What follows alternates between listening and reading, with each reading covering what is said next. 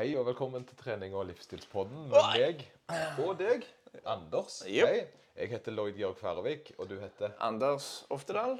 Og sammen er vi trening- og livsstilspodden. Nei. nå vet du. Ja. Nå kjører vi.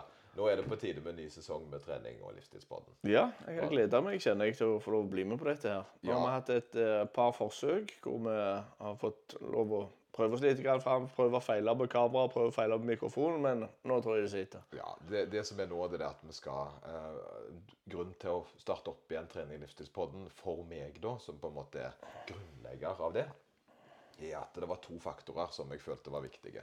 Det ene var å ha en god kall det gjest, da, men du blir jo fast innslag. Og det andre var jo da å oppgradere det på en eller annen måte. Nå har jeg, føler jeg har spilt inn 150 av disse eh, av de, disse audiofilene, og så ønsker jeg gjerne å gjøre litt mer ut av det, og, så, og lage en videopodcast.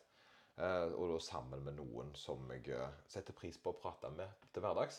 Jo, det er kjekt. Ja, jeg eh, setter pris på å få lov å bli med. Nå har jeg jo hørt de andre episodene når jeg har sittet i bilen og hørt på podkast, så føler jeg har vært en publikummer og eh, som har lytta aktivt. Og nå setter jeg jo pris for å få bli med på podkasten.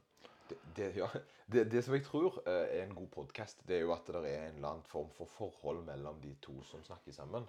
Eh, Og meg og deg, vi har jo da skremt kona flere ganger. Fordi Uh, vi, har et, vi har et ganske godt forhold. Ja. Uh, og det er jo av at vi har, altså, vi har kjent hverandre i mange mange år, gode venner. Eh, Og vi har um, spilt eh, da ja, Vi har de berukta tirsdagene våre. Ja. Hamburger og eh, PlayStation-kvelder.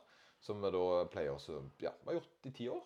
Ja, og, så jeg føler vi har mye av de samme interessene. Ja. For at eh, Tidligere så det var, det var ikke så lett å finne en som likte å trene, men var litt nerd på samme tida. Det, det var før eh, på en måte, Ja, det var litt sjelden før, eh, men, men nå tror jeg nok det. Ja, ja, ja. Jeg, jeg har veldig mye å snakke med med dagens ungdom, eh, og de blir jo selvfølgelig ikke flaue av at han gamle eh, torsken kommer rekende bort og lurer på hvem som er sterkest av Spiderman og Batman. Men, eh, men sånn er det, altså. Eh, nå har det seg sånn eh, at du er jo han som jeg har snakket om veldig ofte. Fordi du er jo på en måte litt den her arketypen som kan spise hva han vil og får alt til og litt sånn. Eh, for, og, og, og jeg bruker ofte deg i den forklaringene som jeg har hatt gjennom podden. Altså for folk da som har vært ivrige lyttere, så vil de da endelig bli kjent med han som eh, eh, Ja, som er my, altså mannen bak legenden. Da. Ja, det, ja vi, vi får se på det. Vi får se på det. Jeg tror nok det går fint. Bryte et par myter. bryte et par myter på, på sikt, da. Men det, det er litt tanken her er jo at meg og deg skal på en måte snakke om eh, litt sånn ting som skjer eh, her og nå. At vi tar litt temaer, og samtidig som vi på en måte prøver å putte inn da din eh, er det pragmatiske tankegang rundt det, og så er min analytiske på sida av. Ja, jeg, jeg tror altså, mitt tre, Min på en måte, måte å trene på har vært mer altså, knytta opp imot eh, virket mitt eller yrket mitt. Det har vært knytta litt grann, eh, opp imot egentlig bare egen trivsel. Og jeg føler at du har òg hatt konkurranse i tillegg til dette. At det har ikke jeg hatt så mye av. Og nå har det jo nettopp vært NM. Nå har det nettopp vært NM. Det har du helt rett i. Eh, Jeg kom jo friskt fra båten, om det er lov å si. Jeg har vært Jeg, var, jeg, jeg kom hjem klokka halv tre i natt, og nå er jo klokka ja, ett over ni. Eh, Så, så det har vært en ganske heisen ting. Du spurte jo om vi skulle utsette, men eh, jeg føler jo at dette er ikke noe som vi kan utsette. Så nå var det på tide å få starta en god podkast. Men jeg har vært eh, på NM i styrkeløft for veteraner, eh, og det har vært en fantastisk helg. Eh, Det har blitt holdt av Lenja atletklubb, som er klubben da, som har arrangert. Ja. Og det har skjedd i Fredrikstad, ca. 600 km fra Stavanger. da. Så vi har kjørt, meg og min kone. Vi har begge deltatt, Ja. eh, sammen med da Camera Crew. Uh, for Det er jo en, en som lager en dokumentar om meg om dagen. Oi, oi, oi. Eh, Ja. Det er jo litt morsomt, sant? fordi uh, det, det kommer litt inn i forhold til eh, hvordan helga har vært. Fordi han har jo da uh, lagt han, altså han driver master i dokumentar eh, og har da fulgt meg som en klegg, mens jeg har da konkurrert og vært eh, coach, da. Ja, bare Siden vi snakker med han kameramannen, eh, hvordan følte du det var han kameramannen en med seg på både oppkjøring og selve Var det en hindring, eller var det, fikk du noe ekstra motivasjon derfra? eller? Eh, Det som, det som jeg har eh, jeg, jeg har alltid vært litt sånn usikker på hva jeg er best på. Om jeg er best i stress, eller om jeg er best Altså eh, litt sånn Så det, så, Ja. så det å på en måte gå litt Jeg, jeg føler jo det, det La oss kalle det en ekstra hindring der når det er en som har kamera, og så fyller deg opp. Du blir litt sånn um, Altså, det, er jo et ekte, bør jo være en ekstra stressfaktor. For Ja, da ja. vil du kanskje ikke drite deg ut. Samtidig så vil du jo være ekte foran kamera. Så, så, og det, og det, det som er greia, Nå har han fulgt meg i fire måneder, og jeg glemmer han jo ut Ja. eh, når han er med på disse tingene. da. Om han er her nå? Kanskje det er han som filmer. Nei, det er ikke, eh, men han er ikke her nå. Men han, vi kjørte han opp på universitetet eh, i natt. da. Eller det var han som kjørte, faktisk. Ja. i Kona lå og så hun var helt eh, ferdig, stakkar. Mhm. Uh, og, men, uh, men det- gir det jo en ekstra sånn, Og merkelig nok så syns jeg OK, nå skal jeg overkomme alle disse tingene. Sant? For jeg skal på en måte jeg, jeg, Å kalle det comeback er litt tøysete, fordi jeg er jo da blitt en, kombinasjon, altså en kombinasjonstallerken, for å si det mildt. Ja. Jeg er ikke lenger en styrkeløfteren jeg, jeg var. Uh, som, som, som var fokus på maks styrke, og sånn som meg og deg gjerne ble kjent. Ja. Der det var bare fokus på hvor mye en løfta. Jeg er blitt på en måte mer denne hybriden som driver med alt mulig. ja. Men ok, det er så styrkeløft er Styrkeløft, vektløft Styrkeløft, eh, ikke vektløfting, det er jo sånn klassisk ting som folk sier ofte. For Ja. de tenker at det er det samme. da. Eh, og til og med do dokumentarlageren tenkte jo at uh, we're going to weightlifting. eh, Ja, å ja. på en måte Han skulle skrive engelsk. Og, og, og det er klart at eh, weightlifting blir litt sånn så håndball da, i forhold til fotball. Så det er ganske store faktorfeil for de som driver med det. Hva er så forskjellen? Eh, nei, altså vektløfting er jo weightlifting. uh, som er jo da to øvelser der du løfter det over hodet. Um, mens knebøy eller med styrkeløft er jo tre øvelser. Knebøy, benkpress og markløft. Så Det er den du har gjort nå? det er det jeg har gjort. Ja, ja. Jeg stemmer. Så jeg har vært, vært med i NM i styrkeløft. Nå ble jeg litt usikker nesten. Ja, ja, ja nei, jeg, jeg spør bare. For, Det- det spørre, For, for det eh, er tilfelle noen lurer. Og, og jeg er jo coach, eh, på en måte. Så jeg er jo coach Lloyd. Og uh, jeg, mitt, mye av mitt virke er jo å få folk eh, både Altså få konkurrerende utøvere mm. og va- hvermannsen sterkere. da. Av og til så krysser jo det seg. Det krysser jo seg på den sånn måte at ting, folk som kom for å bli sterke, ble styrkeløftere. Og jeg har egentlig ikke noe som brennende ønske om at alle skal drive med styrkeløft.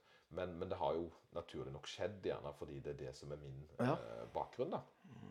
Så i helga var jeg både utøver og eh, coach, og spesielt coach, føler jeg. Ja, okay. Jeg føler sånn merittmessig så kan jeg lene meg på at det var en veldig bra coachinghelg.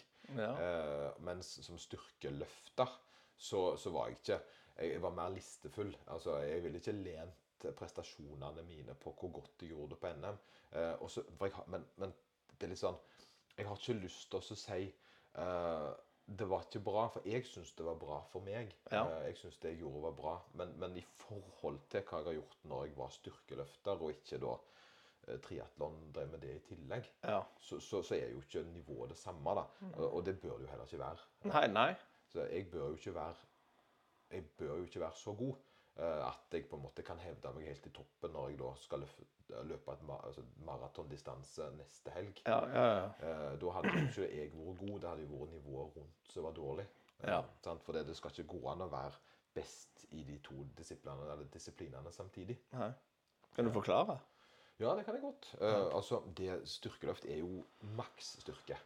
Eh, og litt av tingen da, det, Du har jo fulgt meg sikkert litt på Snap, og det har jo vært mye matfokus. Mat og vekt. Ja, jo, ja, ja. Eh, og hvorfor gjør det? Det, det er jo egentlig et sånt uh, godt spørsmål, vil jeg si. For det at jeg er 1,90 høy. Uh, og jeg har ingenting i 83-kilosklassen å gjøre i styrkeløft. Jeg kunne kanskje vært Det mange idretter der det hadde vært en god vekt å veie. Eh, men eh, i styrkeløft så bør jeg, nok- burde jeg nok veid i 93-kilosklassen, og kanskje til og med opp mot 105. Ja. at jeg da hadde hatt litt mer eh, kjøtt på, mer, eh, altså generelt mer full på kroppen. Ja. Fordi nå er jeg altfor høy og altfor tynn til å få noe buktrykk i kroppen til å skyve ifra mest mulig. Det er litt sånn edderkoppe, nesten. Ja. Jeg, får det som sånn Spiderman Spiderman-teamsang når, når jeg går rundt nå. Og, ja. men det tingen er at jeg må velge eh, å, være Hvis jeg Sånn 86 kilo for meg nå er der jeg er klarer å beholde mest mulig styrke, Ja. samtidig som jeg da er raskest. Så når jeg da driver med løping og triatlon og disse tingene her, så føler jeg at det, er den plassen akkurat nå der jeg får best av begge verdener. Ja. Uh, og, og, og jeg hadde ikke lyst til å slippe meg opp. For det at hvis jeg hadde meldt meg på i 93, så hadde ikke jeg veid 86 i går. Da hadde jeg veid 92. Ja. Jeg hadde spist det da. Og det hadde ødelagt for sesongen som kommer, med all løpinga. Ja. Så da fant jeg ut at ok, da er det to ting jeg kan gjøre. Det er å kutte, uh, stille i 83, og så kutte trene på å kutte meg ned. da. Mm. Så jeg gikk ned fire kilo cirka på ei lita uke. Og, da to, og, og, og veide inn på 83 i går. eh, Blank, mer eller mindre. 82,7. Ja. Um, og, og konkurrerte da i en vektklasse som, som jeg da hadde kutta vann Ja. til. Og, det, og det, grunnen til at jeg valgte å gjøre det, var jo fordi um, kunnskapen jeg sitter igjen med i forhold til utøverne mine, er ganske Ja. viktig. Uh, fordi at uh, folk som gjerne satser på Mhm. dette, de bør kutte vekt. Ja. For det, det, de kommer til å møte konkurrenter på topp, da mener jeg internasjonalt, da, Ja, eh, som gjør det samme. Det er ingen som veier 2-3 kilo opp i klassen sin før de har fulgt den ut, for å si det sånn. Nei, okay. Eh, på et eller annet tidspunkt når du er erfaren nok, Mm. Så må du optimalisere kroppsvekta di i forhold til det. Og da, og da er det å gi og ta. Og det som var så fascinerende her, det var jo det at når jeg da uh, gikk ned den vekta, så tapte jeg jo ganske mye styrke. Ja. Uh, men jeg tapte prosentmessig uh, en, Det er sånn quantifiable data, så det, Å, ja, okay. ok. Ja. Eh, det stemmer jo overens med eh, matematikken. Så, så, så her er jo greia det at eh, når jeg da gjorde dette som coach, da, så ser jeg OK Ja, eh, det, det var grunnen til at det skjedde. Fordi jeg, jeg, jeg tar jo måler opp farten på alle løftene mine. Jeg har en egen måler som måler Ja. hvor fort jeg løfter. Så jeg vet jo hvor sterk jeg er, og hvor mye jeg klarer. Og jeg, jeg har jo eksempelvis terpa gjennom eh, masse sånn løft. Den 100 kilo eksempelvis går så og så fort i mine dager. Så da ser jeg at eh, jo tynnere jeg blir, jo saktere går den samme belastningen. Ja. Eh, Fordi det er da en negativ effekt av vektnedgangen. Samtidig så kommer jeg da inn i en annen vektklasse der det er la, altså, Kall det lavere nivå, da. Ja. Men det er jo et poengemessig gjerne høyere nivå, fordi vi går på poeng. sant? Ja. Um, at uh, Det er ikke naturlig at en som veier 83, skal løfte like mye som en som veier 140. Nei. Det går jo ikke. Nei, nei. Uh, Så, så, så, så coachingmessig så hadde jeg en veldig gode utøvere, og det er jo det jeg må lene meg på. At liksom resultatene i helga Det var veldig mange av de som jeg trener, som hadde veldig god framgang. eh, Og fikk det veldig bra til og følte seg trygge. Og følte seg Jeg tror, tror det å At de var klare for dette. da. Ja. Mange førstegangs NM-utøvere som fikk eh, en god opplevelse.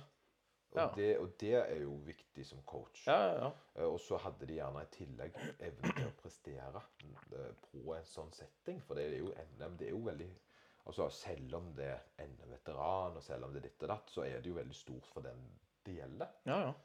Så det var veldig kjekt eh, å få være med på. Og så løfta jeg jo til og med sjøl. Ja.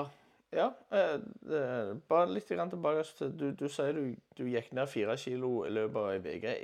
Er, dette her mulig? Si noen hadde prøvd det nå. Gått Ja. ned. Er det mulig å holde det av, eller? Godt, godt spørsmål. fordi det, som, det som skjer da, det er at nå, nå har jeg lagt ut på, på sånn Snap at eh, OK. Sant? For det, måten jeg gjorde det på, var jo å redusere, altså kutte karbohydratinntaket mitt. Sukker? Eh, Så rett og slett sukker, ja. Og, og, sant? og, og tingen med det, da, det er at det, Dette høres litt sånn skremmende ut, og jeg skal prøve å forklare det på en god måte. Hvis du spiser ei brødskive, 100 gram med brød, så binder den vann. Yep. Ser du hadde en vits på lager der. Veldig bra. Eh, så hvis du tar, tar ei brødskive og legger den i eh, et glass vann, og trekker den opp igjen, så veier ikke den lenger 100 gram. Eh, så du tenker du, Spiser du ei tørr brødskive, så er ikke den tørr inni i kroppen din. Den må ha væske rundt seg for at den skal brytes ned. Og den væska veier noe. Eh, samtidig så hvis du kutter keto, altså hvis du kutter karbo, så vil du bruke av den opplagra kalde karboen karbon i kroppen. Ja. Eh, og der er det noen liter totalt med tarm og alt. Så, så når jeg da har gått ned den vekta som jeg gjorde, da, så handler det mer om å tømme tarm. Uh, og så da ikke spise før. Uh, ikke ha vann i systemet. Sånn at jeg da Jeg har egentlig ikke slankt meg. Så, så, så, så, jeg, jeg har rett og slett ikke gått ned i vekt. eh, For jeg prøvde faktisk å holde et kaloriinntak som tilsvarte det jeg trengte. Ja. Men jeg har da redusert kroppsvekta midlertidig for å komme inn i den vektklassen. ja. Så i dag veier jeg nok sikkert det samme som jeg gjorde før jeg starta, mer eller mindre. For jeg spiste mye mat i går. Ja. Og hjelpes, Ja, okay. altså. Det var McDonald's, og jeg hadde til og med seks boller på skjellet. Sekkbolle, ja. Ja, jeg var, jeg var, jeg var i hole. Jeg hadde Ja. en Pringles-boks. Jeg spiste ja. en pose med krokodiller. Eh, Så jeg hadde 6000 kalorier i går. Ja, ok. Eh, Minst. Det var deilig. Men Hvor, eh, hvor, hvor mye har det her vektklassene å bety, styrkeløft? Det, det kan jo ha alt å si. Og her er litt av greia, da, som var en sånn en artig situasjon her. fordi på, under påmeldinga så så jeg det at jeg kunne nok gjort det bedre hvis jeg var i 93. Eh, fordi nivået akkurat i 93 år ikke var så høyt. Oh, ja. Altså, ja, Det var høyt da for han som vant 93. Han Ja. Han vant jo beste løfter uavhengig av klasse. Han vant best tyngste knebøy, eller best poeng knebøy, beste benkpress, benk, beste markløft og beste løfter. Så han var jo den beste. Men det var jo da eh, sånn påmeldingsmessig ikke det samme trøkket som i 83 som jeg meldte meg i. da. Ja. Men jeg følte det at hvis de skulle på en måte ha, få mest mulig uh, viktig ut av dette sjøl, så handla det mer om å gå inn i 83 og ha en artig opplevelse rett og slett rundt det å kutte og lære ja, Få kunnskapen de trengte der. da. Ja, og så kanskje litt grann det du nevnte tidligere òg, med at du ønsker ikke å ha veldig høy vekt, i og med at du går inn i noe helt nytt nå. Ja, og det, og, det, og det er jo det andre, selvfølgelig. Så, så fordi at det, sånn Tanken her hadde jo vært at OK, da kunne jeg, eh, jeg kunne tatt og så bare vært meg sjøl, ikke noe stress, vært med der. Og selvfølgelig hadde jeg jo løfta mer. Ja. Eh, jeg, jeg, for det, det var jo veldig artig. Fordi eh, her, det var to faktorer som spilte inn her. Eh, det ene var når jeg da eh, Når jeg var på vei til NM, så, så siste uka så gjorde jeg noe som jeg ikke pleier. Eh, jeg kutta da i løpemengden og altså kondisjonstreninger som jeg vanligvis har. Den kutta jeg betraktelig i, sammen med belastning, altså intensiteten. Så over, jeg hadde da et overskudd kommende inn på lørdagen eh, i forhold til at jeg trente mindre enn jeg pleier. Det kalles for deload. da. Ja. Eh, og dette har jo ikke jeg gjort under opptreninga. Og de vektene jeg har løfta, har jeg jo gjerne sånn som f.eks. når jeg løfta eh, siste knebøyen før stevnet, så gjorde jeg den sprang jeg 15 km dagen før. ja, okay. Så, så, så, så jeg hadde på en måte en eh, Så jeg visste jo at faktorene her skulle være mest mulig negative. Det skulle være en positiv ting sånn i forhold til hvor kroppen var. Så jeg hadde løpt mindre, og så gikk jeg Og det må en jo gjøre når en skal på en måte kombinere dette her. Så en skal jo tilpasse det en holder på med. da. Man kan ikke gå fullt ut på begge, alle idretter samtidig. En må spesialisere én, og så må en spesialisere neste. Ja. Eh, og, og, og tingen er at f.eks. så løfta jeg 147 i knebøy uh, før. Og det er, ikke, det er ikke så mye sånn for en styrkeløfter, og knebøy er nok den dårligste øvelsen min. Ja. Uh, nettopp fordi jeg springer så mye og er 1,90 høy og veier 83 kg. Det er ikke, det er ikke kjempemange faktorer her som teller for meg. da. Og jeg har jo løfta 100 kg mer før. Men det er det som er reelt nå, da.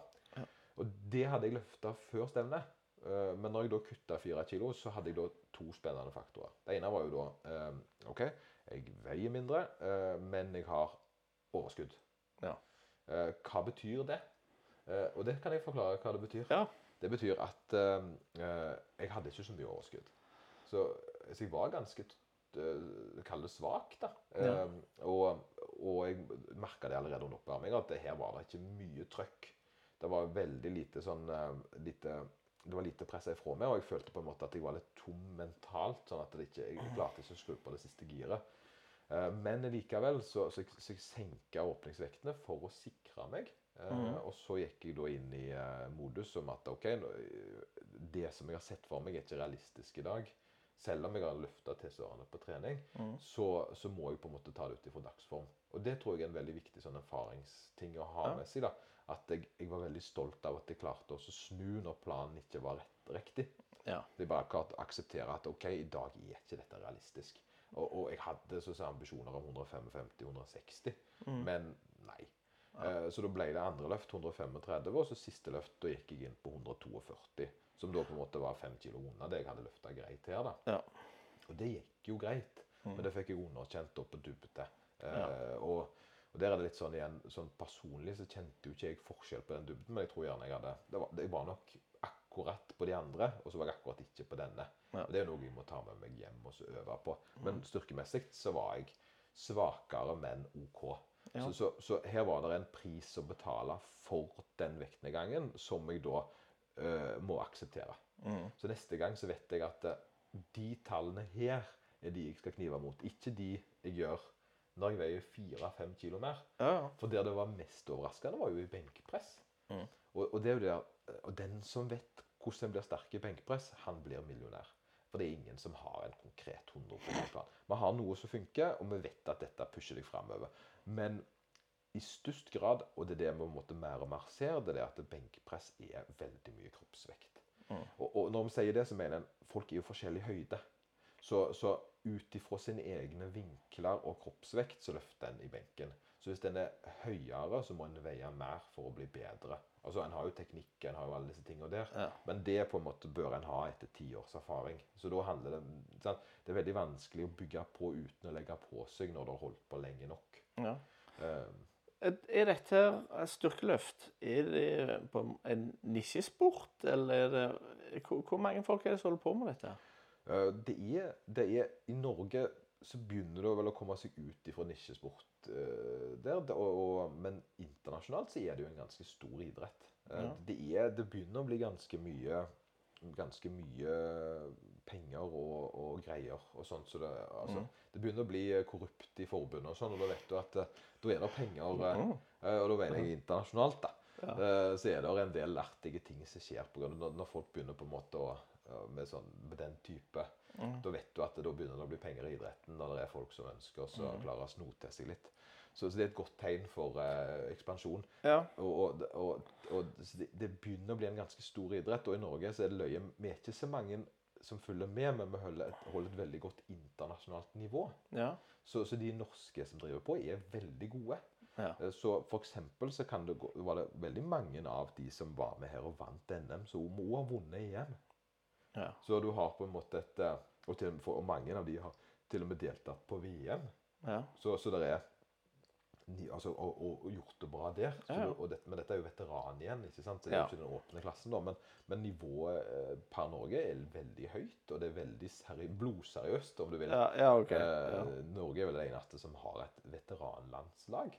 Eh, vi har jo et vanlig landslag, men det er jo et veteranlandslag som på en måte at, de, altså at det er et eget opplegg økonomisk rundt eh, å hjelpe veteraner. ja, Det er ikke det at de andre landene til veteranene de er skada, derfor er de ikke Jo, kanskje, kanskje men, men i Norge er det et veldig godt opplegg rundt idrett. da. Det må du Ja. si. altså Selve idretts... altså Det er jo det den der, Kall det gjerne sosialisme og alt det greiene der, men akkurat i Norge så er vi veldig gode på idrett. altså i, Egnet med dugnad. Folk stiller på Ja. dugnad og er veldig greie på det.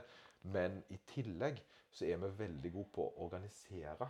Så det er veldig god struktur rundt mange idretter i Norge. Så, så, så når det da ikke er så mange som deltar i en idrett, så får de likevel muligheten til å bli god fordi det er veldig god struktur rundt dem. Ja. Eh, Det er trenerutdannelser. Jeg er jo regionstrener, så jeg har jo tatt forskjellige nivåer opp for å bli det, og trent så, sånn og sånn mange. Og, og det er kurser som en får fordi en stiller, eh, som en da bruker. Så det, så, og dette har jo ikke andre land, de har jo ikke den strukturen. Så når en da kommer til Lenja, så er det internasjonal standard på stevnene. ja. Det er ikke, det er ikke liksom eh, en som sitter og røyker rullings og vifter med et flagg, på en måte. Det er Ja. uniform. Du får kjeft hvis du ikke har treningsklær på. Vi har, har, ja, okay. altså det er, vi har, eh, vi har til og med liksom skilter på brystet der vi viser at vi er utøver eller lagleder. Også. Ja. Så det er ganske, ganske bra opplegg, altså. ja. Det, det, fotball altså For å trekke en parallell fotball Hvis du trener fotball, så spiller du fotball. Eh, Og ofte mot andre lag, og du konkurrerer og sånn. Men jeg føler ikke det er sånn i styrkeløft eller i vektløfting eller i altså, den type sport. For det er veldig mange som går og trener, men jeg ser ikke så mange på sånn styrke... Altså på konkurransenivå. Eh, Spesielle grunn til det. Det går, det, jeg tror mer og mer Før så, før så drev vi på med det som heter styrkeløft med utstyr. Da hadde vi noen drakter på oss og løfte, og det krevde ganske mye oppfølging av klubbene. Og det Ja. skapte jo godt miljø. eh, for da ble det jo til at vi var nødt til å være tre-fire-fem stykker hver gang noen skulle løfte tungt. da. Ja. Eh, og da trakk jo det veldig inn i idrettene. Men tingen er at de øvelsene vi driver med, er knebøy, benkpress og markløft, er veldig sånn individuelle. Så, så, så hvis du ser noen som trener knebøy, så kan det godt hende at de er styrkeløftere. Uh, uten at du tenker over det. Du Ja. er jo for eksempel, har jo vært med. sant? Og det er jo ikke alle som vet at du har deltatt i et mock-meet. Ja. sant? Da, du gjorde jo et styrkeløftstevne da, men um, når du er på trening, så tenker ikke folk at han er styrkeløfter. Bare at han er sterk, liksom. sant? Ja. Um, så, men det er klubbstevner, og så er det regionsmesterskap, så er det norgesmesterskap, og så er det nå kommet litt sånn invites. Eh, og det var jo nettopp et sånt eh, Sheffield Invite, der de beste i verden fikk jo delta med store pengepremier og sånn. oh, ja. Altså til styrkeløftet hver, da. Det var jo ikke, det var ikke milliarder det var snakk om, men, men det er jo på vei inn i noe når pengene kommer, så kommer utøverne og resultatene. Og når resultatene kommer, så altså blir det publikum osv. Så, videre. Ja. så, så, så er, det er jo på vei inn i den her uh, folkelige appellen. da. ja. Jeg syns det er knallkult. De draktene de har på seg, er det en del av reglementet, det? Eller? Ja, de teite draktene, ja. Ja, ja, ja. ja, ja, ja, ja. Eh, Det er eh, for oss Det er tre dommere som på en måte eh, tar oss og ser på alle løftene. så du må på en måte ha godkjent fra to av de tre dommerne for at du skal få et OK løft. Så hvis du Ja. gjør knebøyen da, så er det to av, to av tre dommere som må være enige med deg at du har gjort det innenfor reglementet. da. Ja. Og, og for å gjøre det lettest mulig for dommerne, så har alle på seg noen drakter som er tettsittende og er like i stoff, og sånn at alle har samme premisset for oss å se. Eh, sant? At det ikke er noe juks som foregår, og samtidig at det er lettere å se er du dyp nok i knebøy osv. Så videre, sånne, sånne tekniske ting. da. Ja. Ja, jeg tenker altså, For det at det, jeg er usikker på hvor mange som unngår sporten fordi at Nei, det der skal ikke jeg ha på meg. jo, sånn, jo, jo, jeg syns egentlig de er fine. Jeg, jeg, jeg har fått en litt sånn kjærlighet til. Å ja, jeg ok, jeg, jeg, ja. syns de er gode løfter. Jeg trener faktisk i de hjemme. De ja. er litt tjukke i stoffet, ser du. De er ikke sånn, de hjelper ikke, men de er litt sånn eh, Du føler deg litt tett inni. Du, du, du gjør det. ja, Mm. så, så pølse. og så- så- så Litt så god føler jeg litt som pølse. Eh, men, men tingen er, og det er nok litt derfor jeg har, trener med de av og til. Det er jo for det å bli vant med de. sant? Og Ja. fordelen er jo når du da kommer på et stevne, eh, og så står du jo der sammen med alle andre som har den samme drakten på. Det er klart Mm. at Hvis jeg hadde hatt på meg en singlet, sånn singletdrakt, altså det heter, og gått på Rema, så hadde jo folk eh, Ja. De hadde jo trodd at jeg hadde vært galen. Men når du på en måte er sammen med mange andre tullinger, så, så er det litt normalt, da. Jeg tror, jeg, men jeg vet det er en ting som, eh, ting som mange uh, reagerer litt på i starten. Skal jeg ha på meg dette? Så ler de litt, og så fjoller de litt. Ja. Så vi har faktisk begynt å ha sånne fredager der vi, der regelrett vi trener i draktene for å gjøre oss komfortable med det. Ja. Vant med å ha det på. Ja. Uh, og, da, og da blir ikke det en sånn faktor som en tenker på engang. Vekk ifra på en måte det eh, Vekk ifra den eh, følelsen en har, da. OK, si nå er det, Jeg er nybegynner, eh, eh, trener, men jeg har lyst til å være med i sånn eh, eh, konkurranse nå. Hva gjør jeg nå? Hva gjør du da? Jo, det er, og her er greia. For det, nå var det litt kult. Fordi jeg fikk en, eh, en, et veldig godt eksempel Uh, i, i går. For det var en som kom kom nok ikke se bare på meg, men han kom ofte hilste på. Og det er en som jeg trener online. Han heter Stian. Jeg bruker han som dette eksempelet her. Han vet sjøl hvem det gjelder. Eh, han er veldig sterk eh, og veldig kjekk kar, og han har nok lukta litt på å begynne med styrkeløft. Eh, og, så han kan være et veldig bra sånt opplegg her. Fordi han var lik meg. altså i den stand at jeg, skulle, jeg ville ikke begynne med styrkeløft ennå, for jeg var ikke sterk nok. Jeg, jeg kunne ikke begynne ennå, fordi altså, jeg måtte først bli så så sterk. Men, men det ble litt som å kjøre bil, ikke ville melde og, og det å, eh, å være sterk i utgangspunktet Der kom han snikende inn på bildet. Det veldig bra.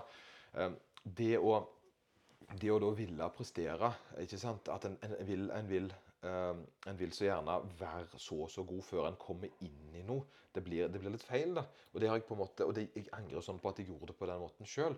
For istedenfor å liksom bare melde meg inn i en klubb og være ydmyk nok der og si OK, jeg er nybegynner, da. Eh, så så, så eh, er det mye bedre å komme inn, ta graden og vokse gradvis. Og, det, og, det, og jeg fikk et veldig godt eksempel som jeg fortalte han, da, hvordan, han burde gjøre det. Og det er det at eh, når du skal være med på NM, sant? når du skal være med og konkurrere, så vil ikke du være nybegynner lenger. For det er så mange som på en måte skal bli så sterke først. Så, så du vil jo gjøre alt eh, det du ikke skal gjøre først, da. At du, eh, at du har prøvd på klubbstevner, at du gjerne har fått litt erfaring sånn at, som du på en måte Når du er blitt kjempesterk, så kan du styrkeløft allerede. Mm. Sant? Istedenfor at du da skal komme inn kjempesterk, og så skal du på en måte si hvis det hadde vært en realistisk vei å gå, gå på, da, så skal du liksom OK, nå er jeg sterk, og så skal jeg lære meg idretten, og hvordan reglene er, og hvordan opplevelsen er. Fordi det er kjempeskummelt å være, være med i et stevne. Jeg, jeg, etter så mange år syns det er vanskelig. Og så skal jeg veie inn, skal inn altså, øh, vise klær fram. Hvor skal jeg være hen? Når skal jeg løfte? Hvor skal jeg stå? Disse tingene skal en jo kunne. Mm. Og det er mye bedre å begynne med de når en er nybegynner, og vokse inn i idretten. Ja, kan, kan, du begynne eh, hva tid som helst? Ja, der er, der er, du kan være veldig ung. Der er til og med sånne i Stavanger så har de barnegrupper. Jeg er litt usikker på alderen, så, så ikke på en måte går 100 på det, men jeg tror 12 eller 13 år. Der du da er det som kalles for rekrutt. Ja. Eh, også, og Da får du løfteskole og lærer deg teknisk å bli god i styrkeløft. Og så eh, vokser en seg inn i, vokser en seg inn i da, ungdom, som da er fram til en 18, junior fram til en 23, åpen til en 40, og så når det virkelig gjelder, da. Veteraner. Ja, ja, ja. Selvfølgelig. selvfølgelig. Det. Ja, ja, ja. Jeg tenkte på, eh, Har de sånn opptaksdatoer? Sånn, eh, i eh, Sandnes Atletklubb, f.eks. Sånn, ja, ja, godt, ja. Eh, ja. Dette her er en dato du kan komme. Da begynner vi en ny nybegynnergruppe. Altså. Eller kommer du bare en dag 'Hei, hei, nå skal jeg lufte'. Det, det, siste. det er det siste. Ja. Hvis du skal begynne med styrkeløft, så tar du og tar, ville jeg tatt kontakt med klubben eh, og så sagt 'Hei, jeg har lyst til å begynne med styrkeløft. Hva skal jeg gjøre?' Så vil, er det noen kjekke, veldig kjekke dugnadsbaserte folk som sier 'kom på mandag'. Kom på mandag, så sier vi hei. Og så uh, snakker vi kommer du på mandag, og så blir du kjent med folk, og så løfter du sammen med dem, og så kommer de til å hjelpe deg teknisk og kom, sette deg i gang. Og mest sannsynlig er det en trener i klubben som kan begynne å trene deg systematisk for at du skal bli bedre. Og så vokser du inn i rolla di som styrkeløfter sammen med andre. Og, og, jeg tror det er kjempeviktig det å se hva som går an rundt deg. da. Jeg, jeg har vært så heldig. En gang når jeg løfta, når jeg var en ganske fersk løfter, så sto jeg altså med en verdensmester, presidenten i forbundet, altså det norske, da. Norske forbundet, ikke den korrupte greiene. Ja, ja. ja, det er viktig.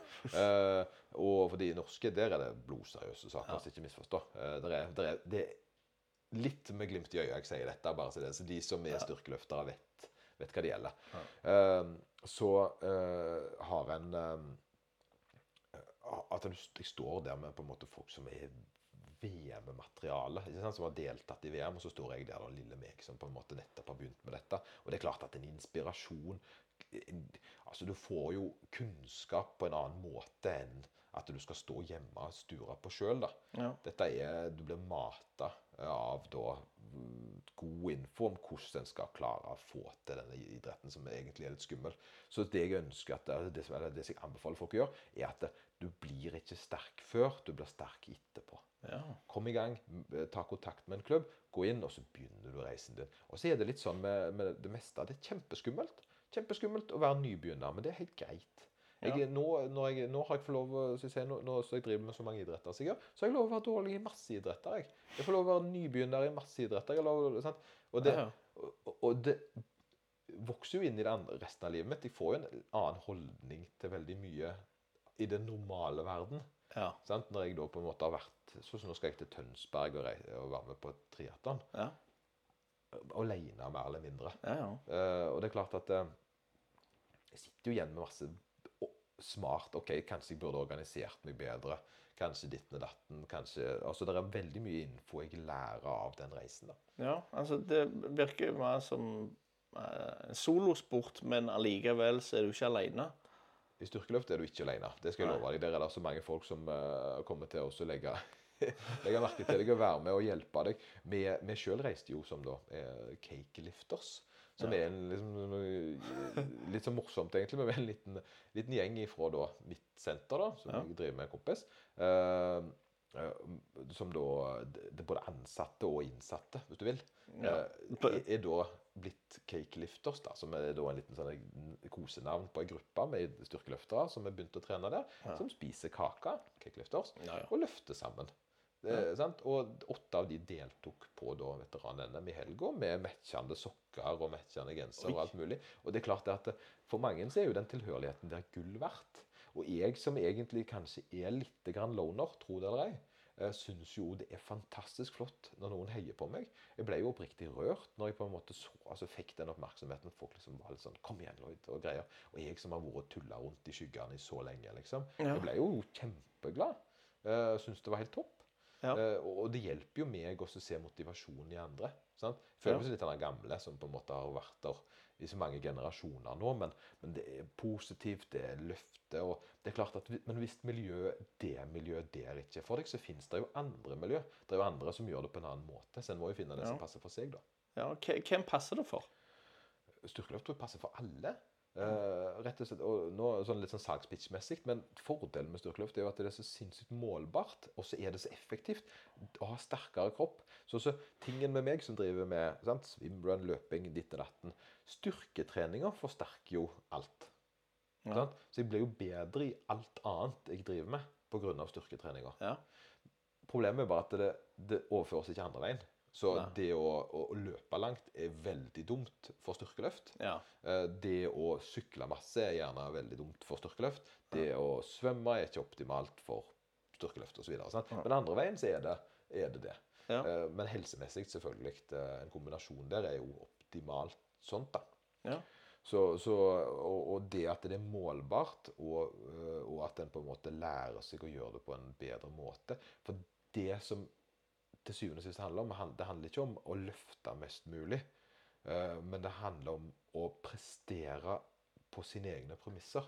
Så når en da tar og så setter ny personlig rekord i markløft, Ja. så har en flytta sine egne grenser. eh, og når en gjør det, så, så, så får en jo en positiv feedback som en kan overføre. Altså, jeg, er blitt, jeg er blitt tryggere på meg sjøl fordi jeg har klart å prestere eh, bedre enn eh, jeg trodde var mulig. ja. Eh, Og det er klart at det hjelper jo når jeg da skal jobbe med noe, en ordentlig jobb. Når jeg, at jeg vet at jeg, jeg er jo i stand til å lære, jeg er jo i stand til å bli bedre.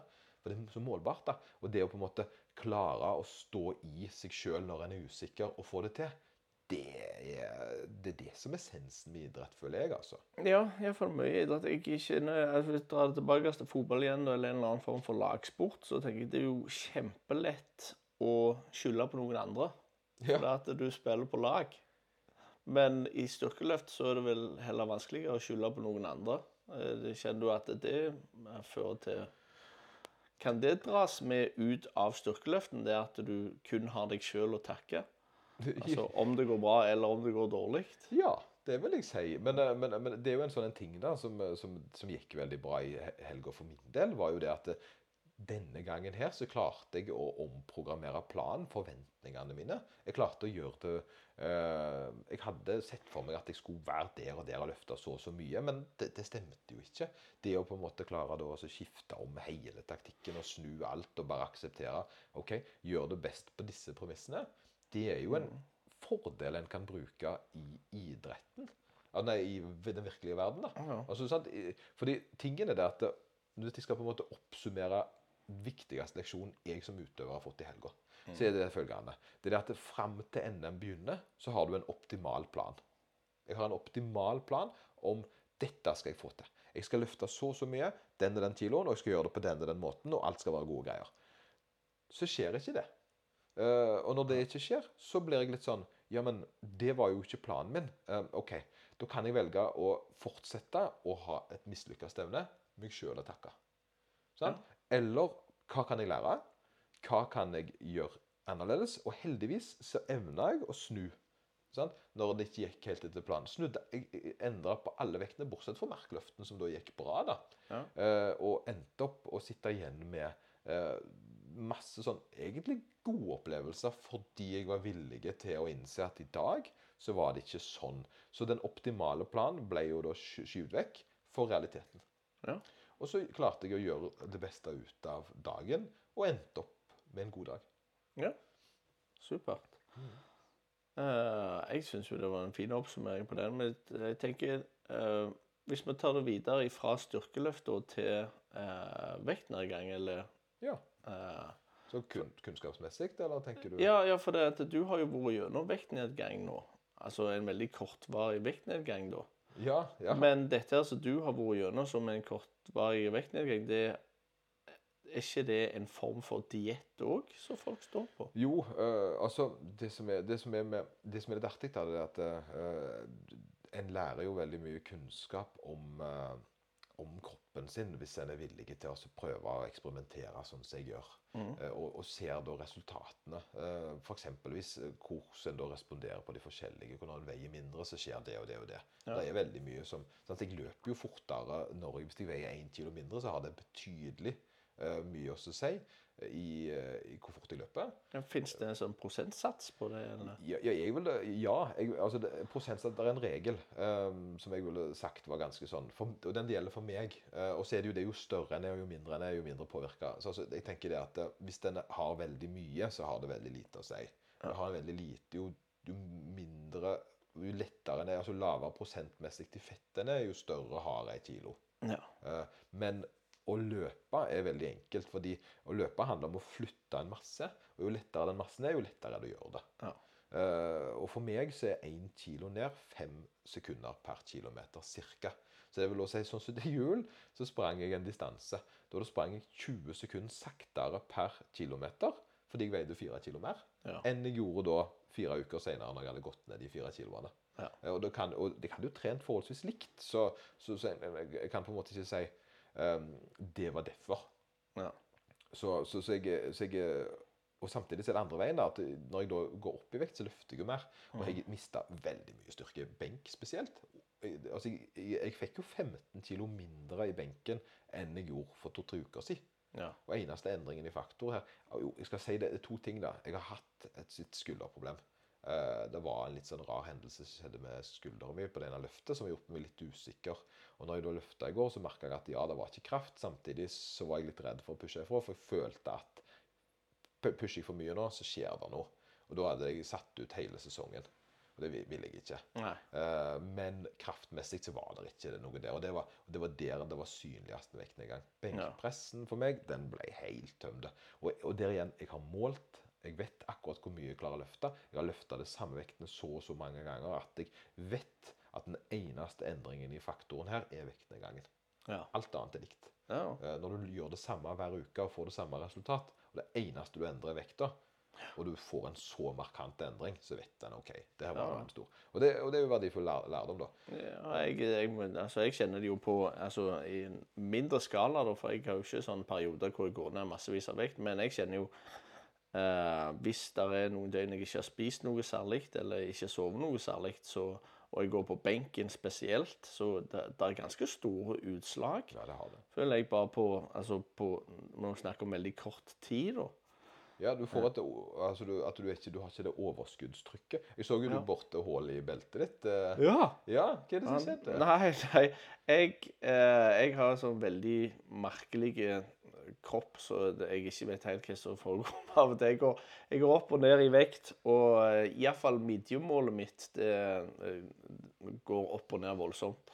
Så har jeg hatt et belte nå på jobben som jeg egentlig har gått med eh, siden jeg fikk det mange, mange år siden. Og så føler jeg at jeg har eh, bare fortsatt lenger og lenger inn på det beltet der, uten at jeg har forstått hva som har skjedd. For jeg, det er ikke noe jeg har prøvd aktivt på å få et mindre midjemål eller noe sånt. Så nå var det sånn at nå var det såpass løst at det bare hang og dingla. Altså beltet så Ja, dette bukser ned, eller? Buksa detter ned. Oi, oi, oi. oi. Ja, ja, det er ikke, det er ikke noe særlig. Og så, så da, måtte jeg, da måtte jeg bore et nytt hull i beltet. Og der tenkte jeg faen, jeg utvider, når jeg utvider beltet mitt igjen, det må være et eller annet. Ja, det er beltet der er det problemet. Ja, for det er beltet. Men det er jo det, som, det, er jo det folk vanligvis sier når det går andre veien. Men så skjedde det jo samme med vektløfterbeltet mitt òg. Nei. Leico. Ja. Så jeg tenkte faen, jeg klarte å utvide dette her Ja, òg. ja, det, det er nok det som skjer der. Det er som er vet du. Så jeg måtte et hakk inn på den der. Så når jeg står og ser på det der beltet nå, så er det jo sånn der Det, det er jo nesten flaut. For det at så jeg tar en neve inn i beltet sånn, så er jo Jepp, så det er nok. Det, Oi sann, det oi er sann. Oi, stakkar. Hæ? Altså, Jeg holder jo på å knekke i to. Ja, nei, det må være forsiktig. Det er godt du har det beltet som kan passe på deg her. Jo, jo, men det er merkelig med meg, for det at det, det Av og til så er det kanskje sånn jeg finner ut at nå har jeg kanskje spist litt lite over litt for lang tid.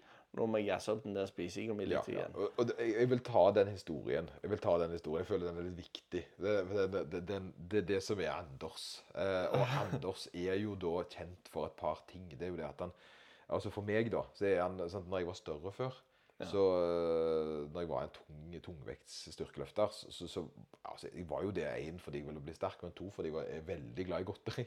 Jeg må jo innrømme det. Så det. Eh, da, men da var det jo alltid en befrielse å komme til deg, da. Fordi du spiste mer enn meg, han spiste mer enn meg, og han spiste da eh, fortere. Så ikke bare kunne jeg da spise meg uh, uforskamma mett, men eh, jeg trengte ikke stå og se og være høflig. Nei, det Fordi var det var, det var å slå, måtte slåss om godbitene. Ja, jeg kom på det. det jeg, hadde vel, jeg har bare for å avbryte litt. Jeg, jeg hørte at det kalte de for måka. Ja, de- Egentlig, De kalte det Lloyd for måka. Jeg har alltid trodd at de kalte han måka fordi han er til bitte små biter om gangen. Ja, det, er det, til og med min, min, min bonusdatter sto jo og så på når du var på besøk og spiste. Fordi at du hadde hørt sagn om dette greiene her, og det stemte jo. Og det løgna jo det at du Jeg husker en gang så lagde du Vi lagde to hamburgere. Dette var store hamburgere. Med pommes frites, selvfølgelig. Eh, og, og, og du lagde den, og så ga du den til meg. Og når jeg, jeg hadde spist én hamburger eh, mens, Jeg vet ikke hvorfor du måtte eh, ta en telefon eller noe. Jeg husker ikke helt. Og så satte du deg og så måtte du spise, for ellers ble det bløtt. og bla bla, Så tenkte jeg OK, jeg, jeg kjører på. Og så setter du deg i sofaen, og så begynner du å prate, og jeg spiser. Og så plutselig så har du spist opp. Så har du spist opp begge burgerne og pommes frites, og da er ikke ferdig med den andre ennå. Så, så, så du har liksom tatt meg igjen der og da. Og det, men tingen var jo det da at eh, du var jo lik som du er nå, da, rundt eh, Vet ikke hvor mye du veier nå? Ja, rundt 90, tror jeg. 90? Ja, Eh, og, og, jeg var jo 130 rundt der. Og det er klart at eh, eh, det ble jo en sånn en Hadde en ikke visst bedre, så hadde jo det da vært den der klassiske eh, Jeg har en venn som kan spise hva han vil. Ja, Eh, sant? ja. ja. Og så fikk jeg det slaget i trynet som jeg på en måte har brukt så mange ganger. Og det var jo det at eh, jeg kom til deg en tirsdag, ja. eh, og da var det vann og brød. Eh, sant? Så, så og da, og da, For da var det jo ikke helg, og da spiste du jo ikke godteri. Nei, jeg tror du spurte eh, Ja, om vi skulle ha godteri. Ja, Og så ja. ble jeg litt overraska. Hvorfor spør du om så godteri på en tirsdag? På en tirsdag. Fordi, det for jeg hadde da den villbefaringa om at det var sånn alltid ikke deg. Ja. Sant? Eh, og det var jo før på en måte såpass tidlig i min kunnskap at jeg, jeg visste jo egentlig reglene for eh, overskudd og alt det der greiene der, men, men, men så var det jo da noen som tydeligvis alltid brøyt med den, og du, du var en av de da. Så jeg har brukt deg veldig ofte i den historien der, da. Så, og jeg syns jo det er gøy, men jeg syns jo ennå Men det er jo det at eh, det er jo litt sånn Jeg må alltid holde igjen. Eh, fordi hvis jeg får lov å velge, så spiser jeg for mye. Og det, og det er hva som helst. Altså, jeg, jeg stopper ikke, så jeg må vite ja. at det er en porsjon for meg. Jeg, jeg Ja. har ikke porsjonskontroll, hvis det er noe som heter. Ja. Eh, og da har jeg lært meg det, og så fungerer det fint. Så jeg, og nå er jeg jo ikke eh, stor lenger. Så en, men hadde jeg fått lov å spise Altså hadde jeg sluppet meg løs, Ja. så hadde jeg veid 200 kilo. Ja, jeg, eh, jeg, har ei, jeg har vokst opp med en familie som har passet på at jeg har spist. Jeg har uh, en kone som er uh, påpasselig med at jeg spiser, så jeg er litt grann den andre veien. Hvis, hvis jeg hadde blitt bare sluppet til meg sjøl, så tror jeg jeg glemte av å spise. Og jeg, jeg har ikke den sultfølelsen som er vanlig å få. Ja, Eh, det er bare uh, kjenner jeg ikke. Og det er jo Jeg hadde nok kanskje det, det er de strukturene jeg har hatt egentlig i oppveksten, tror jeg. For det har foreldrene mine alltid sagt at eh, Next, det er, eh, altså, det er kun lørdagene som er på en måte snopedag. Ja, ja, ja. Og det er eh, vel ja, Akkurat nå så er det kanskje to måltid til, da, til, til dagen. Ja, ja, for du har et opplegg. Og tingen er det at det, det er jo sånn jeg tror, Og jeg tror jo folk har litt forskjellige sultfølelser. Jeg tror at noen er liksom født litt forskjellig. For jeg ser på ungene mine òg, så ser jeg at de har Kanskje, kanskje det er litt eh, sosialt, kanskje ikke. Men, men, jeg, men jeg, jeg, jeg tror i all grad altså, Folk er forskjellige, da.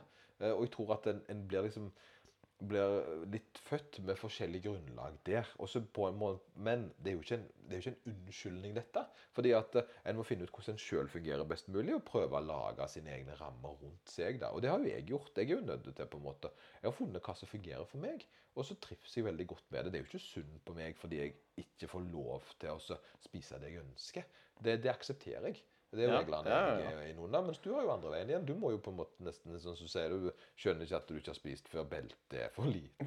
Er for Ja. Eh, og det er jo en sånn løyen tanke. Ja, jeg, men jeg, jeg har faktisk merka den der forskjellene. For jeg har Jeg hadde For en del år tilbake så hadde jeg en operasjon, og da var det eh, legen som sa at OK, for at dette skal tilhelle skikkelig nå, så må ikke du snuse eh, på seks uker. Så får du sårtilhelling og alt det der, og det blir eh, good shit. Så jeg tenkte ja, det går fint. Hvor vanskelig kan det være? Det, jeg, så jeg slutta med snusen, og jeg, eh, jeg, jeg klarte det òg over de seks ukene. Det som jeg ikke tenkte over når jeg slutta med den der greia, det var jo det at eh, jeg hadde plutselig en, et søtsug som jeg aldri hadde hatt oh, ja. før. Og det, men jeg merka den ikke.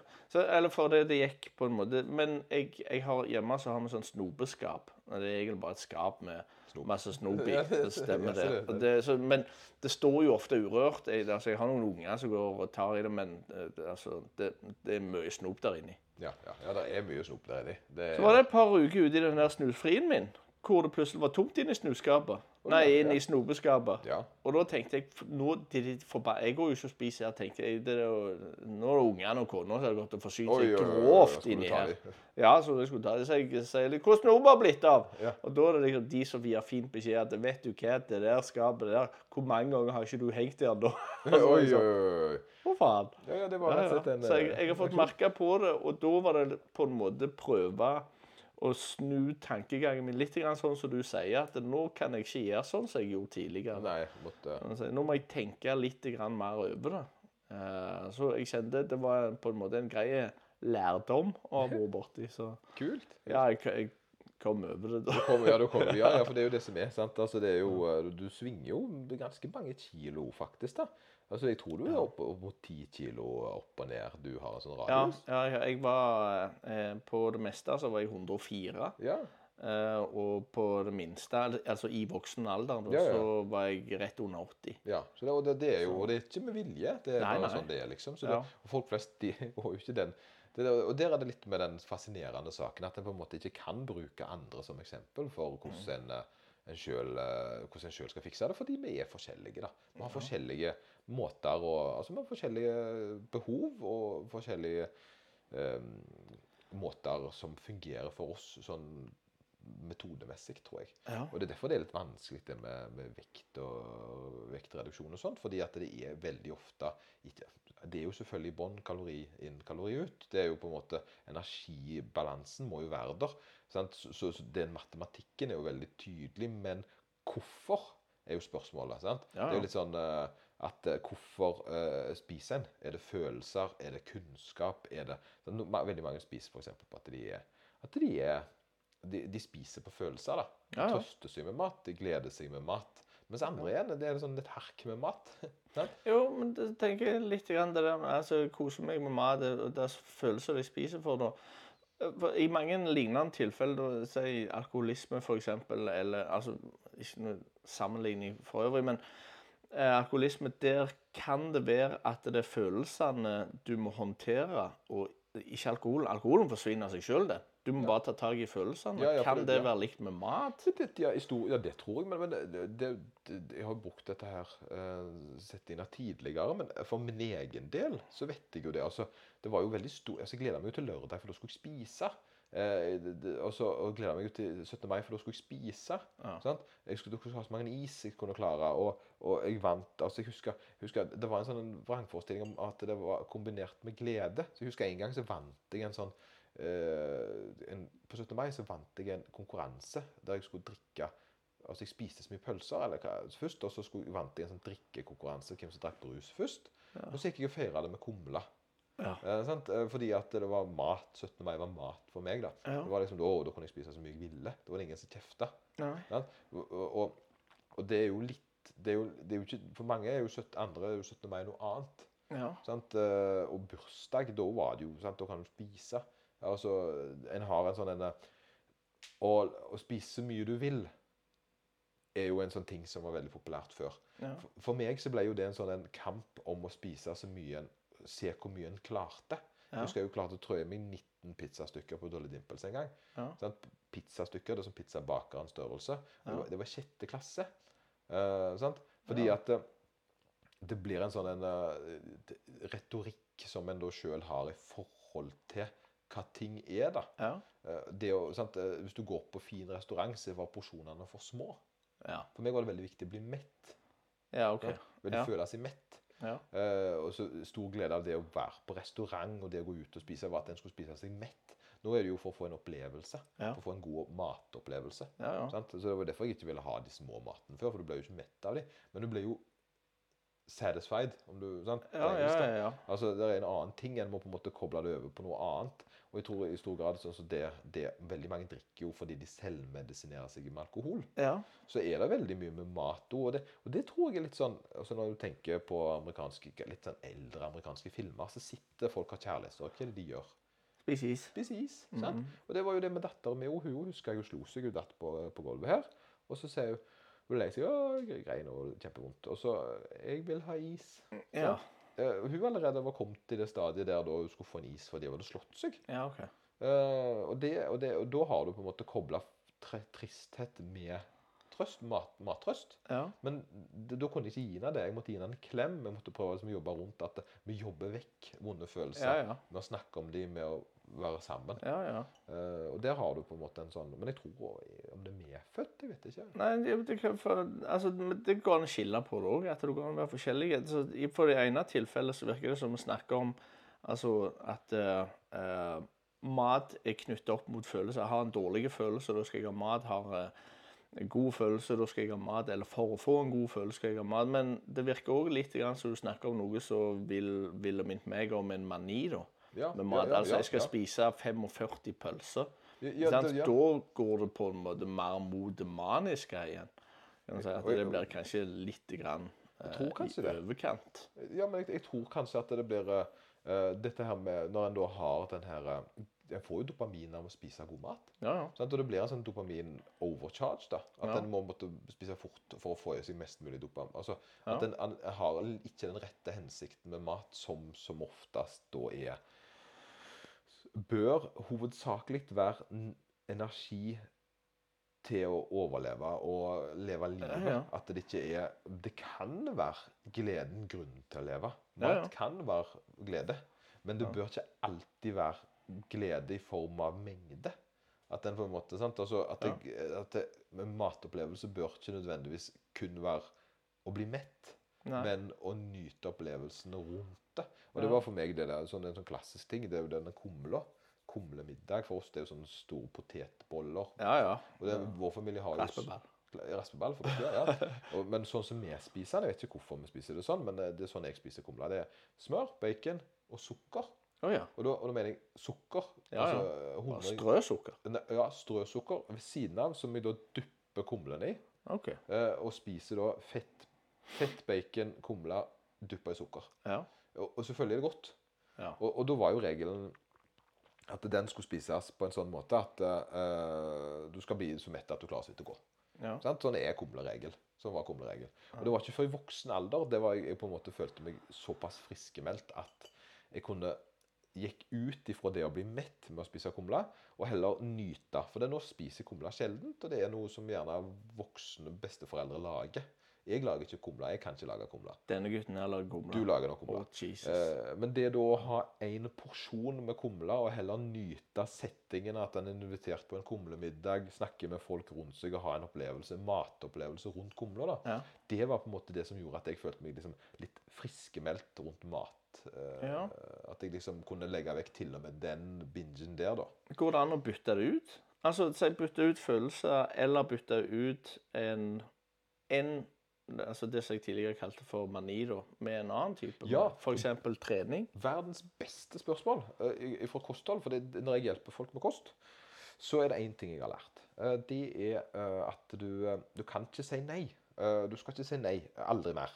Sant? For det funker ikke. For eksempel, for å bruke det som så Du skal aldri mer spise sjokolade. Sant? Det går ikke. Det, det, det er ikke en realitet. Hvis det er en person som liker sjokolade, det, det slutter ikke med det. Eh, Så du må lage rammer, eh, og du kan finne forbedringer. Eksempelvis så er den enkleste vrien det er det å bytte det ut med noe bedre. Og det, sjokolade går jo ikke det an med. For Hadde det vært slanke, kal- så, så, så hadde det vært Så tror jeg verden hadde vært annerledes. Men det er med brus. Ja. Med brus er det sukkerfri brus. Mm. Og den legger du ikke på deg av. Man gjerne kjører debatt om insulinspikes og alt det greiene der som folk ofte henger seg opp i. Men, men hovedsakelig så er det ikke energien i brusen som da har den påvirkningsgraden. Så, så jeg drikker mye brus, da, for å si det sånn. Eh, den vanlige brusen folk drikker, inneholder jo mye kalorier. eh, Mm. sant? Og den er ikke bra Altså Det er ikke bra for en, å holde vekta når drikker, folk drikker to-tre liter Pepsi til dagen. da. Nei. Cola, drikker ekte cola, drikker masse liter. Det har en vanvittig stor effekt. Og nå, ser ser ikke så mange folk gjøre det lenger, men jeg kjenner jo, kjenner jo folk som, som drakk altså, Det var ei som drakk fem-seks liter med sukkerbrus til dagen. Det er 2000 kalorier per dag i, Ja. i, flytende. Det er bare hvor mye er mye? Altså kalorier. Det, det er mer enn dagsbehovet hennes i brus alene. Altså ok. mer enn Hadde hun kun drukket brus, så hadde hun fortsatt fått mer energi enn hun trengte. Ja, ok. Og hadde gått opp i vekt selv om hun slutta å spise. Ja. Og så er det jo da, kan du skulle si til den personen slutt å spise brus, jeg drikker brus. Det går ikke. Eh, sant? Fordi at det er nok en liten sånn Det er mye bedre å gå over til gjøre en bedre løsning. Sant? Det får folk til, da. Ja. Og pep, her kommer lettbrusen inn. Det finnes jo andre alternativer som kan være bedre, der en da gjerne bytter det ut i et bedre valg. Men i forbindelse med energi her, så er det jo da at en aldri sier at en lager rammer, finner bedre løsninger. Og, så, og med rammer så mener jeg at eh, hvis du skal drikke en sånn, så drikker du så og så mye. Sant? Ja, ja, ja. Det, og, eller gjør det istedenfor som en bedre løsning. Ja. For istedenfor at det blir stopp, aldri mer. Ja. For det skjer ikke. Det Nei, det, det blir mer på en måte som istedenfor å røyke, så kjører du røykeplaster eller nikotinplaster. ja, ja, det blir jo det. En snus som oftest. Ja, ja. Og så er det sånn uh, Akkurat røyk er jo litt sånn skummelt igjen, fordi at uh, det, det er jo ingen som røyker litt. Nei. Det, er ingen som er litt avhengige. De, de røyker altså Misforstå meg rett. De, de røyker gjerne De er like avhengige. De har bare ikke Ja. den samme mengden. Ja. Sant? Eh, noen røyker jo 40 til dagen, og det er jo en form for mani. vil jeg tippe Ja. der. Mens det er jo ingen som på en måte røyker fem røyk til dagen og ikke er avhengige. Nei.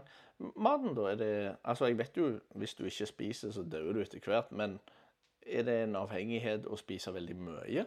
Eller spise mye sjokolade? Eller Ja, ja, ja, men det tror jeg er veldig kobla på den uh, hvorfor en gjør det. Og det er jo det som er greia. og Det er jo det som er derfor den slanke greia er så vanskelig. fordi at uh, sant, alle nyutdanna PT vil jo alltid si at ja, det er kalori inn mot kalori ut. Du spiser Ja. for mye.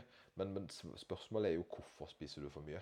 Ja, altså ta tak i det psykiske, så kan det være at uh, maten forsvinner. Atferden rundt det. Sant? For, for, og her er det, det finnes, føler jeg, eh, det er iallfall to forskjellige båser. Det finnes nok flere ord, men det er to veldig sånn, det er én som er forholdsvis lett å hjelpe. eh, og så er det den som er verre. For du har noen som legger på seg fordi de ikke har kunnskap om det. Sant? Folk som ikke skjønner at det å drikke mye brus sant? For eksempel ei som jeg hjalp da hun drakk hva det si, fem liter til dagen. Så hun skifta over til Pepsi Max. Gikk ned ti kilo. Ja. Sant? Ja, ja. Og så på kort tid. Og e- Endringen hennes var at ja, det smakte ikke like godt en stund, og så ble hun jo vant med det.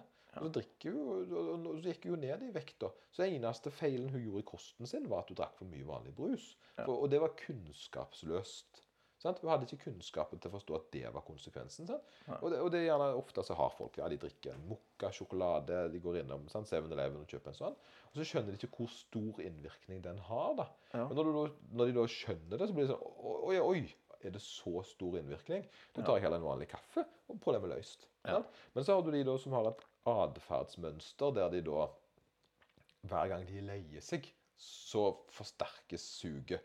Ja. Behovet for å ete, trøst. Og så gjerne den dobbelt negative. Jeg feila, derfor så skal jeg feile mer. Det er en, unnskyldning for å spise mer. Ja. er der, s- da, da er vi inne på den virkelig vanskelige atferdsendringa Ja. som en da må ta tak i.